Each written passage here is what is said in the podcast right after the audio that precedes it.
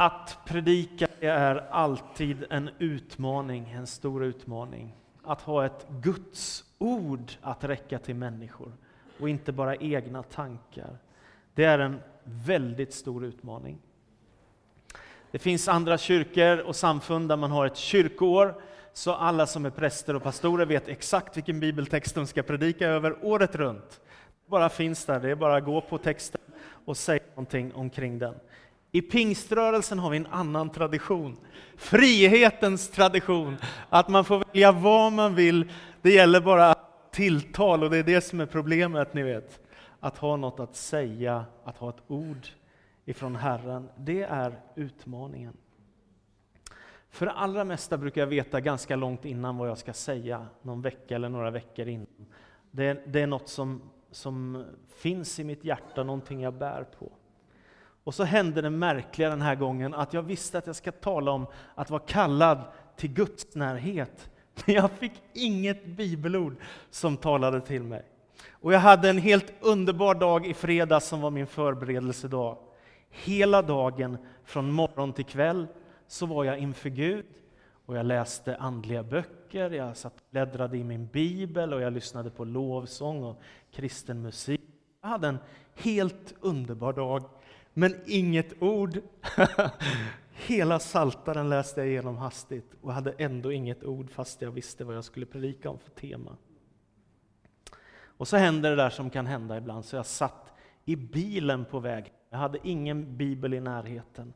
Men när jag sitter i bilen på väg hem ifrån att ha varit en sväng här i kyrkan igår förmiddags eller eftermiddags, så bara ringer det inom mig en bibeltext. Jag vet direkt var den står någonstans och den kommer upp här nu. Paulus skriver till Timoteus. Jag tackar honom som gett mig kraft. Kristus Jesus, vår Herre, för att han fann mig förtroendevärd och tog mig i sin tjänst. Jag tackar honom som gett mig kraft, Kristus Jesus, vår Herre, för att han fann mig förtroendevärd och tog mig i sin tjänst. Det är den tolfte versen, första Timoteus 1. Och sen den sjuttonde versen så står det, så skriver han om sin stora glädje, Paulus. Evighetens konung, oförgänglig, osynlig, den ende guden. Hans är äran och härligheten i evigheters evighet. Amen. Och så visste jag, fast jag satt i bilen och inte hade någon bibel framför mig, jag har ett ord som jag ska predika utifrån. Så direkt av tacksamhet så tog jag en promenad ut i skogen. Det är det bästa jag vet. Nu när det är varmt ute, man slipper frysa. Och så gick jag ut i skogen och så gick jag ner till älven nedanför husen där jag bor. Och så stod jag där vid vattnet och bara lyfte mina händer och tackade Gud över hans storhet och godhet. Det är liksom enklare i naturen att känna Guds storhet och närvaro. Och så ser jag helt plötsligt när jag bara står och tittar längs med älven ja men här finns en stig som går. Och så var det som en profetisk bild för mig. Gud har en väg för dig som du ska vandra på. Och det gäller att finna den vägen och vandra på den vägen. Det är en smal väg, men den leder till livet. Nu läser vi hela bibeltexten. Första Timoteus 1 och 12 till 17 och den kommer upp där. Jag tackar honom som gett mig kraft Kristus Jesus, vår Herre, för att han fann mig värd förtroende och tog mig i sin tjänst, mig som förut var en hädare och hänsynslös förföljare. Men jag mötte barmhärtighet, förbarmande därför att jag handlade i okunnighet, i min otro. Vår Herres nåd har överflödat med tro och kärlek i Kristus Jesus. Detta är ett ord att lita på och värt att helt ta till sig. Kristus Jesus har ju kommit till världen för att rädda syndare, och bland dem är jag den störste, men jag mötte förbarmande, och det för att Kristus Jesus skulle kunna visa allt sitt tålamod på mig, som den första urtypen för de som ska komma till tro på honom och vinna evigt liv. Evighetens konung, oförgänglig, osynlig, den enda guden. Hans är äran och härligheten i evighet, evigheters evighet. Amen. Det här förmedlar för mig någonting oerhört, därför att Paulus, eller Saul som han hette innan han blev en Jesus efterföljare, Han var en, en tuff man som med hårda nypor förföljde de kristna på plats efter plats. Han gladde sig när kristna blev martyrer. Han såg till att de hamnade i fängelse. Och en dag så händer något i hans liv när han är på väg till Damaskus. Han har till och med med sig ett brev från ledarna i Jerusalem att han har rätt att fängsla människor som bekänner Jesus som Herre. Men det är bara det att Gud har en tanke med hans liv. Så därför mitt i den här vandringen mot Damaskus så uppenbarar Jesus Kristus sig själv. Och han säger, varför förföljer du mig? Och Paulus, eller Saul som han heter, han faller till marken och han säger, Herre, vem är du? Och Jesus svarar honom, jag är Jesus, den som du förföljer. Och det där är en oerhört omvälvande händelse i Sauls eller Paulus liv. Det är nu han får sin kallelse. Det är nu Gud drar i hans hjärta på ett sätt som han aldrig har varit med om förut. Och han tar sig in till Damaskus. I Damaskus så finns Ananias, en församlingsledare som har fått ett profetiskt tilltal ifrån Gud och vet att det kommer en man här som jag ska be för. Så han lägger sina händer på honom och ber och säger till honom nu så ska du få uppleva den helige Andes kraft. Och det händer i hans liv och han blir fylld av den helige Ande. Och direkt efter detta så går han till synagoga efter synagoga och predikar att Jesus Kristus är Messias, den utlovade frälsaren. Visst är Gud oändligt god och stor. Och därför när Paulus ska skildra sin kallelseupplevelse så är det en lovprisning som han brister ut i. Jag tackar honom som fann mig förtroendevärd. Visst är det stort? Man skulle tänka det vore perfekt om han hade vuxit upp i den judiska miljön och varit en sån här andlig typ och så fort han får talas om Jesus så tar han emot Jesus. Men så är det inte, han är en besvärlig farisé som ger sig på de kristna och förföljer dem. Men Gud i sin barmhärtighet uppenbarar sig för honom. Och han som är en hårdhjärtad farisé kommer att bli urkyrkans allra viktigaste missionär. Och hans glädje och kärlek finns i den Gud som han tjänar. Den är Gud som är evighetens konung, oförgänglig, osynlig, den enda guden.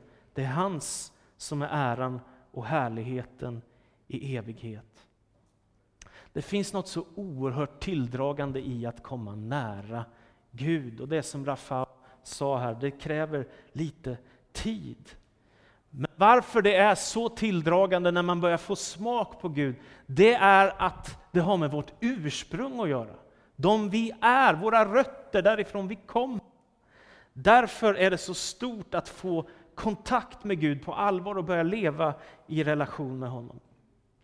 Jag var bara 17 år gammal när, när jag upplevde en tydlig kallelseupplevelse att tjäna Gud. Det var ett livsavgörande ögonblick i mitt liv när jag fick profetiska ord ifrån en man intalade i mitt liv och det förändrade mitt liv. Ett år senare så var jag på bibelskola för att jag ville tjäna Gud. Det hade jag inte alls tänkt innan, men jag fick profetiska ord över mitt liv.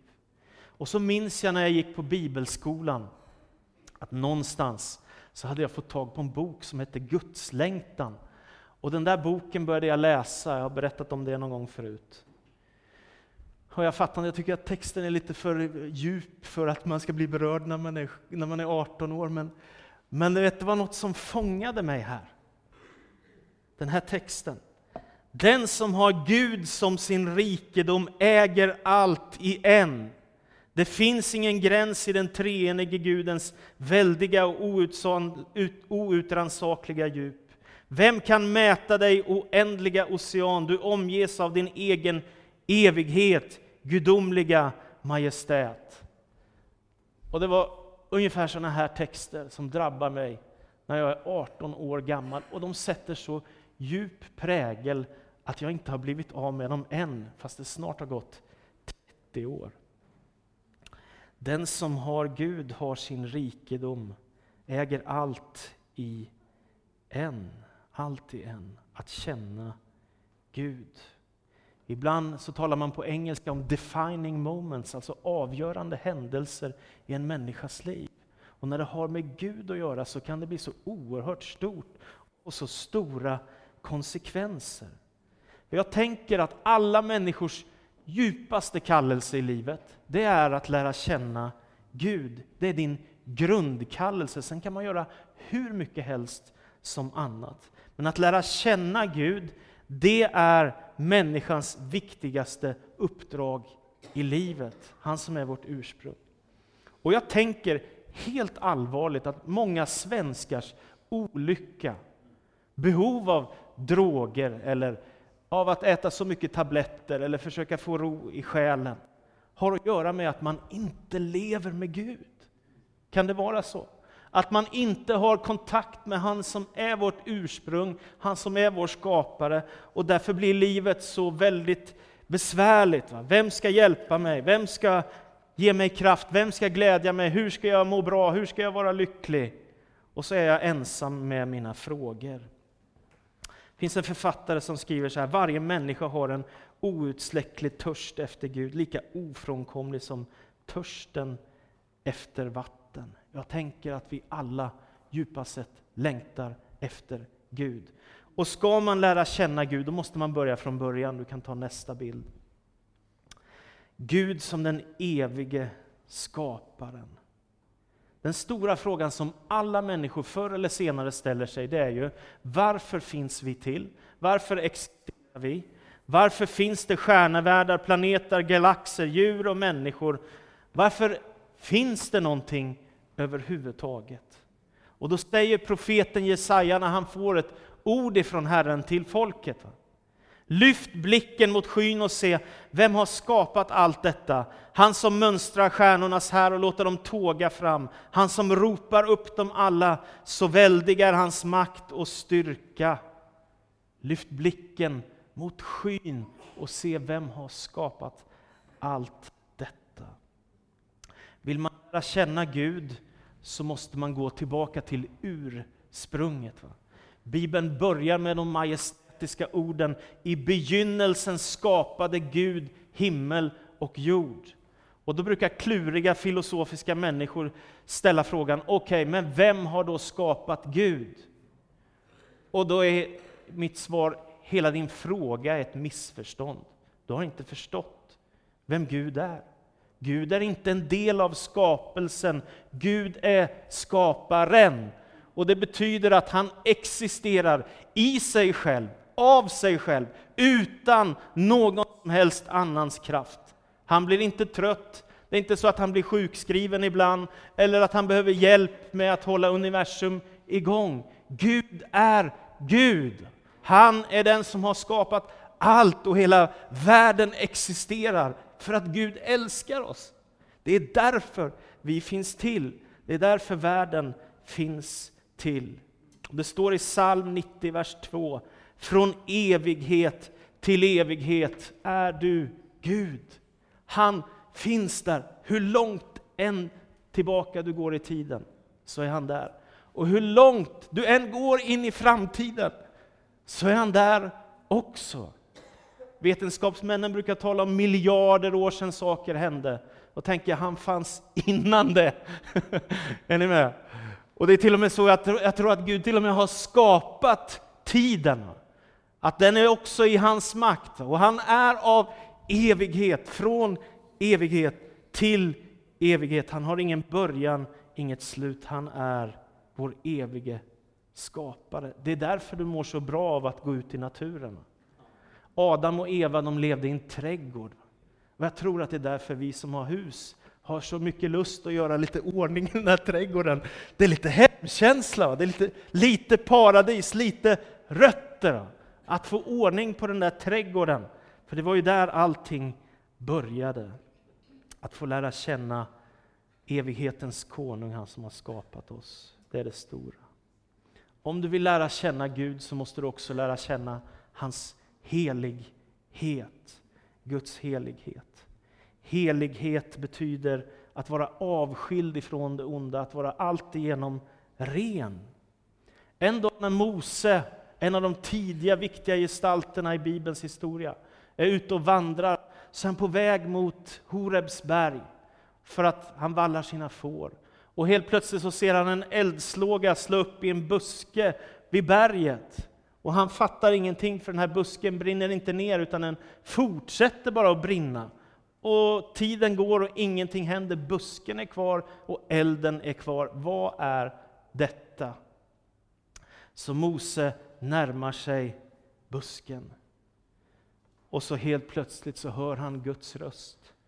Mose, Mose, kom inte närmare.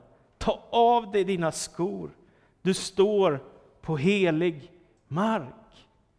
Och så tänker jag att det är detta som vi längtar efter som människor. Vi längtar egentligen inte efter orenhet. Vi längtar egentligen inte efter det som är oheligt, det som är synd. Vi längtar efter det som är rent, det som är vackert, det som är fullkomligt, det som har med Gud att göra. Det är synden som förstör vår längtan så att vi börjar välja saker som är orena, oheliga eller vad du vill. Men vår djupaste längtan är efter Gud och det som är rent. När Gud talar till Mose så får han dra av skorna av sina fötter. Och han döljer sitt ansikte för han är fylld av skräck inför Guds helighet och härlighet. Och kallelsen till oss det är att leva ett heligt liv. Hur kan man göra det? Ja, bara genom Jesus Kristus och hans nåd. Det finns ingen annan väg. Det enda som bär när allting annat vacklar, det är Guds nåd och Guds barmhärtighet. Om man vill lära känna Gud så måste man också lära känna hans kärlek. Man kan inte bara se hans helighet och hans eviga makt. Man måste också se hur han älskar. Och om det är något som dominerar bilden av Gud i Bibeln så är det hans kärlek. Gång på gång så kommer det tillbaka med evig kärlek har jag älskat dig. Därför låter jag min nåd förbli över dig. Eller detta är kärleken, inte att vi har älskat Gud, utan att han först har älskat oss och sänt sin son som försoningsoffer. Gud är så oändligt god och så stor och barmhärtig. Jag tänker på den här berättelsen som finns i Hebreerbrevet. Det står i Hebreerbrevet att i det gamla förbundet, alltså i gamla testamentet som finns i Bibeln, så hade man ett stort tempel i Jerusalem. Och I templet fanns det tre delar, den yttre förgården dit folk fick komma för att lovprisa Gud. Och så fanns det heliga, där prästerna gick in för att göra tjänst för Gud och lovsjunga Gud. Och sen fanns det allra heligaste längst in i templet och där stod förbundsarken och där fanns de tio budorden som Mose hade fått ifrån Gud. Och det var ett stort förhänge som skilde det heliga och det heligaste, allra heligaste. Och bara en gång om året fick översteprästen i Jerusalem gå in, in i det allra heligaste i templet. Och det var på den dagen som kallas den stora försoningsdagen, Jom Kippur. Då fick han gå in för att offra för folkets synder och för sina egna synder och bekänna folkets synd och tala ut Guds namn och barmhärtighet över sitt folk Israel. Och så när Jesus dör på Golgata kors så står det i Hebreerbrevet, ja det står både i evangelierna och Hebreerbrevet, men i evangelierna står det att förhänget brister ända uppifrån och hela vägen ner och vägen till det allra heligaste är öppen. Och så skriver Hebreerbrevets författare, jag blir så taggad när jag läser det. Så kan vi nu gå in på denna levande väg tack vare Jesu Kristi blod som har försonat våra synder så att vi kan leva med honom. Och vi kan komma inför nådens tron med gott och rent samvete när vi bekänner Jesus Kristus som Herre. Det är precis som Rafał sa, det är enkelt. Om du med din mun bekänner att Jesus är Herre och i ditt hjärta tror att Gud har uppväckt honom från de döda, då skall du bli räddad. Och det bekräftar du med att döpa dig i vatten och börja leva tillsammans med Jesus. Jag kommer ihåg Maria, hon kom eh, till den kyrka som var den första tjänst jag hade i församling. Och hon var mitt i livet, en mycket framgångsrik kvinna. Men så hade familjen kraschat och hon insåg att jag behöver Gud. Så kom hon till vår kyrka och hon blev frälst, hon tog emot Jesus, hon började leva som kristen och hon blev väldigt passionerad för detta evangelium. Och jag fick döpa henne i vatten och vi hade fantastiska stunder. Och så i alla fall så minns jag en kväll när vi hade en bönekväll och så när vi är färdiga så säger hon ungefär så här. Den kärlek som jag har upplevt hos Gud har jag inte upplevt någon annanstans. Och den en kvinna, framgångsrik karriärskvinna någonstans i 40-årsåldern som har gått igenom en tuff kris. Men när hon hittar fram till Gud hittar hon fram till kärleken. En del människor är rädda för Gud. Man, man ska ha respekt för Gud för att Gud är helig. Han är värd att ha respekt för. Men du vet, kärleken driver ut rädslan. Det är det som är viktigt.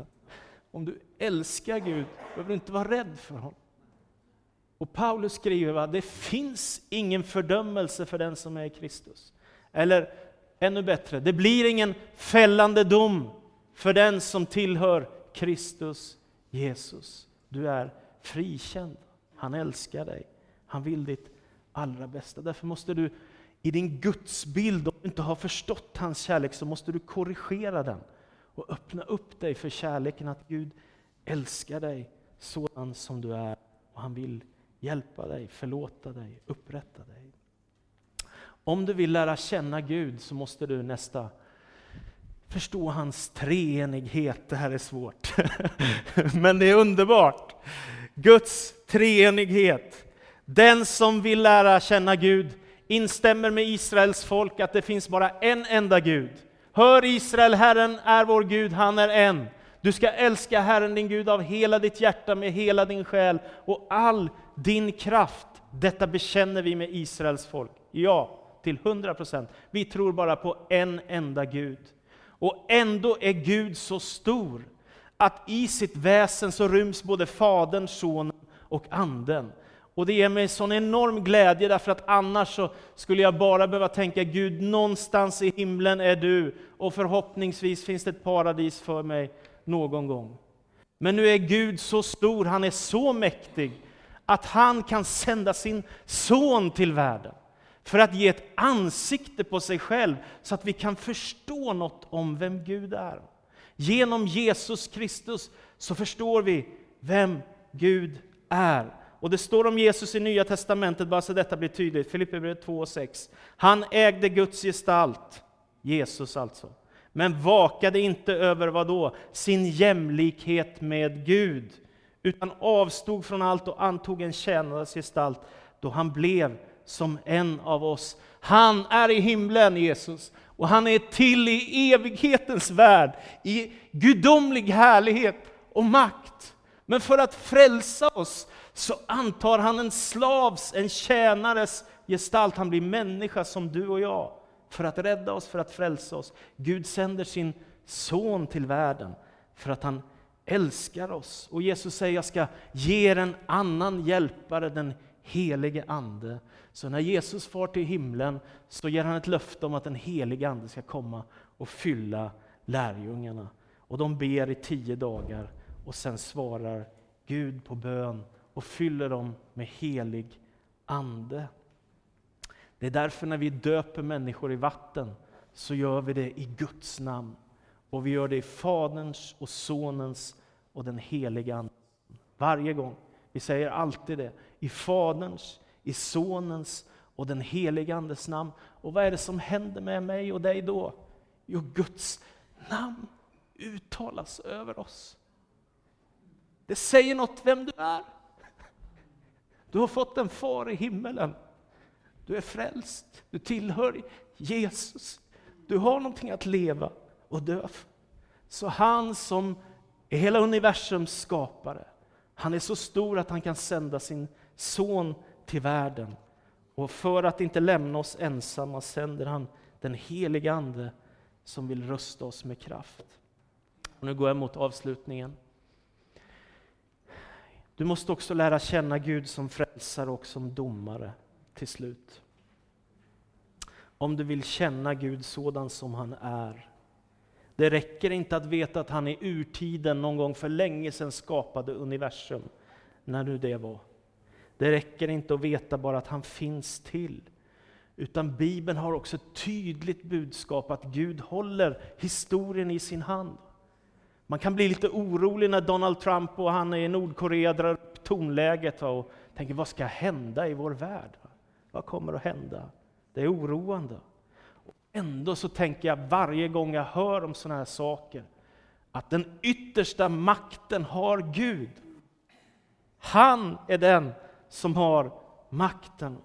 Och han har lovat att en dag ska Jesus Kristus komma tillbaka på himlens skyar och då ska varje öga se honom. Alla ska förstå vem Jesus Kristus är.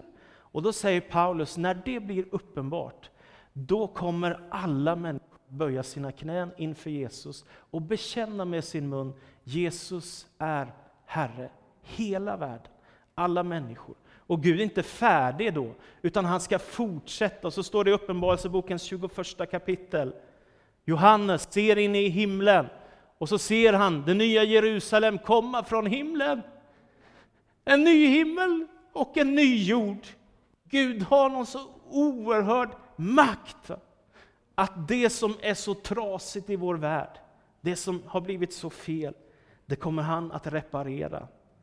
Man kan oroa sig för miljöförstöring och klimatförändringar, och det är bra, om man ska vara rädd om skapelsen, verkligen.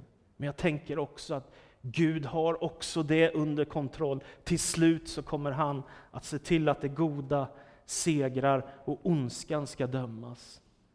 Det är ju fantastiskt att Gud kommer göra slut på det onda och att vi en dag ska få vara i riket som är evigt hemma hos Gud. Och när allt detta har skett, när Gud blir allt i alla och när allting sammanfattas i Kristus, då säger Johannes, det har skett. Han säger en hälsning från Gud, jag är A och O, början och slutet, jag ska låta den som törstar dricka fritt ur källan med levande vatten. Det finns ett hopp att få vara för evigt hos Gud, att se Gud ansikte mot ansikte en dag. Och som avslutning, jag minns när jag hörde talas om Kjell Sjöberg. Kjell Sjöberg, storebror till Stanley Sjöberg som bor i Stockholm och Bengt Sjöberg som bor i Filipstad, om ni vet vilka de är. Han är hemma hos Jesus, Kjell Sjöberg. Men det berättas om honom att en söndag så kände han bara, jag ska bara predika om min kärlek till Gud. Så han gjorde något mycket märkligt, mot alla talekonstens regler. Han lyfte sin blick mot taket, mot himlen. Och så talade han i 40 minuter utan att titta på församlingen. Det är opedagogiskt, inget tips. Men det gjorde han. I 40 minuter talade han om sin kärlek till Gud.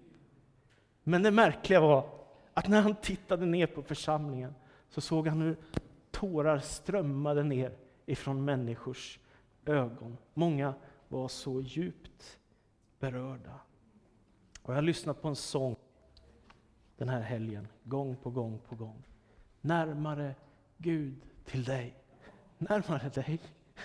Om det än blir ett kors som lyfter mig, närmare dig, närmare Gud till dig, så sjunger jag innerligt närmare Gud till dig. Du behöver detta, jag behöver detta. Jag tackar honom som fann mig förtroende värd, Kristus Jesus vår Herre, att han tog mig i sin tjänst och att jag har fått lära känna evighetens konung som är oförgänglig, osynlig, den ende guden. Och hans är äran och härligheten i evighet. Amen. Ära vare Fadern och Sonen och den helige Ande. Som det nu är och alltid ska vara. Tack för att vi får tillhöra dig Jesus. Om någon inte tillhör dig än Herre, så står dörren öppen Herre. Förhänget är brustet. Vägen är öppen till det allra heligaste Herre. Du älskar oss Herre. Och vi längtar att lära känna dig, du som den evige. Vi längtar efter att lära känna dig som den helige. Vi längtar att lära känna dig som den kärleksfulle. Vi längtar efter att lära känna dig, du den treenige. Vi längtar att lära känna dig, du som är frälsare och domare. Du har allt i dina händer, Herre. Den här världen är väldigt trasig, men du har allt i dina händer. Och det är vårt hopp. Vi längtar efter dagen när Jesus kommer tillbaka. Det är vår glädje och vår lycka. Vi ber Herre, välsigna oss nu när vi går in i avslutningen av vår gudstjänst. I Jesu Kristi namn. Amen.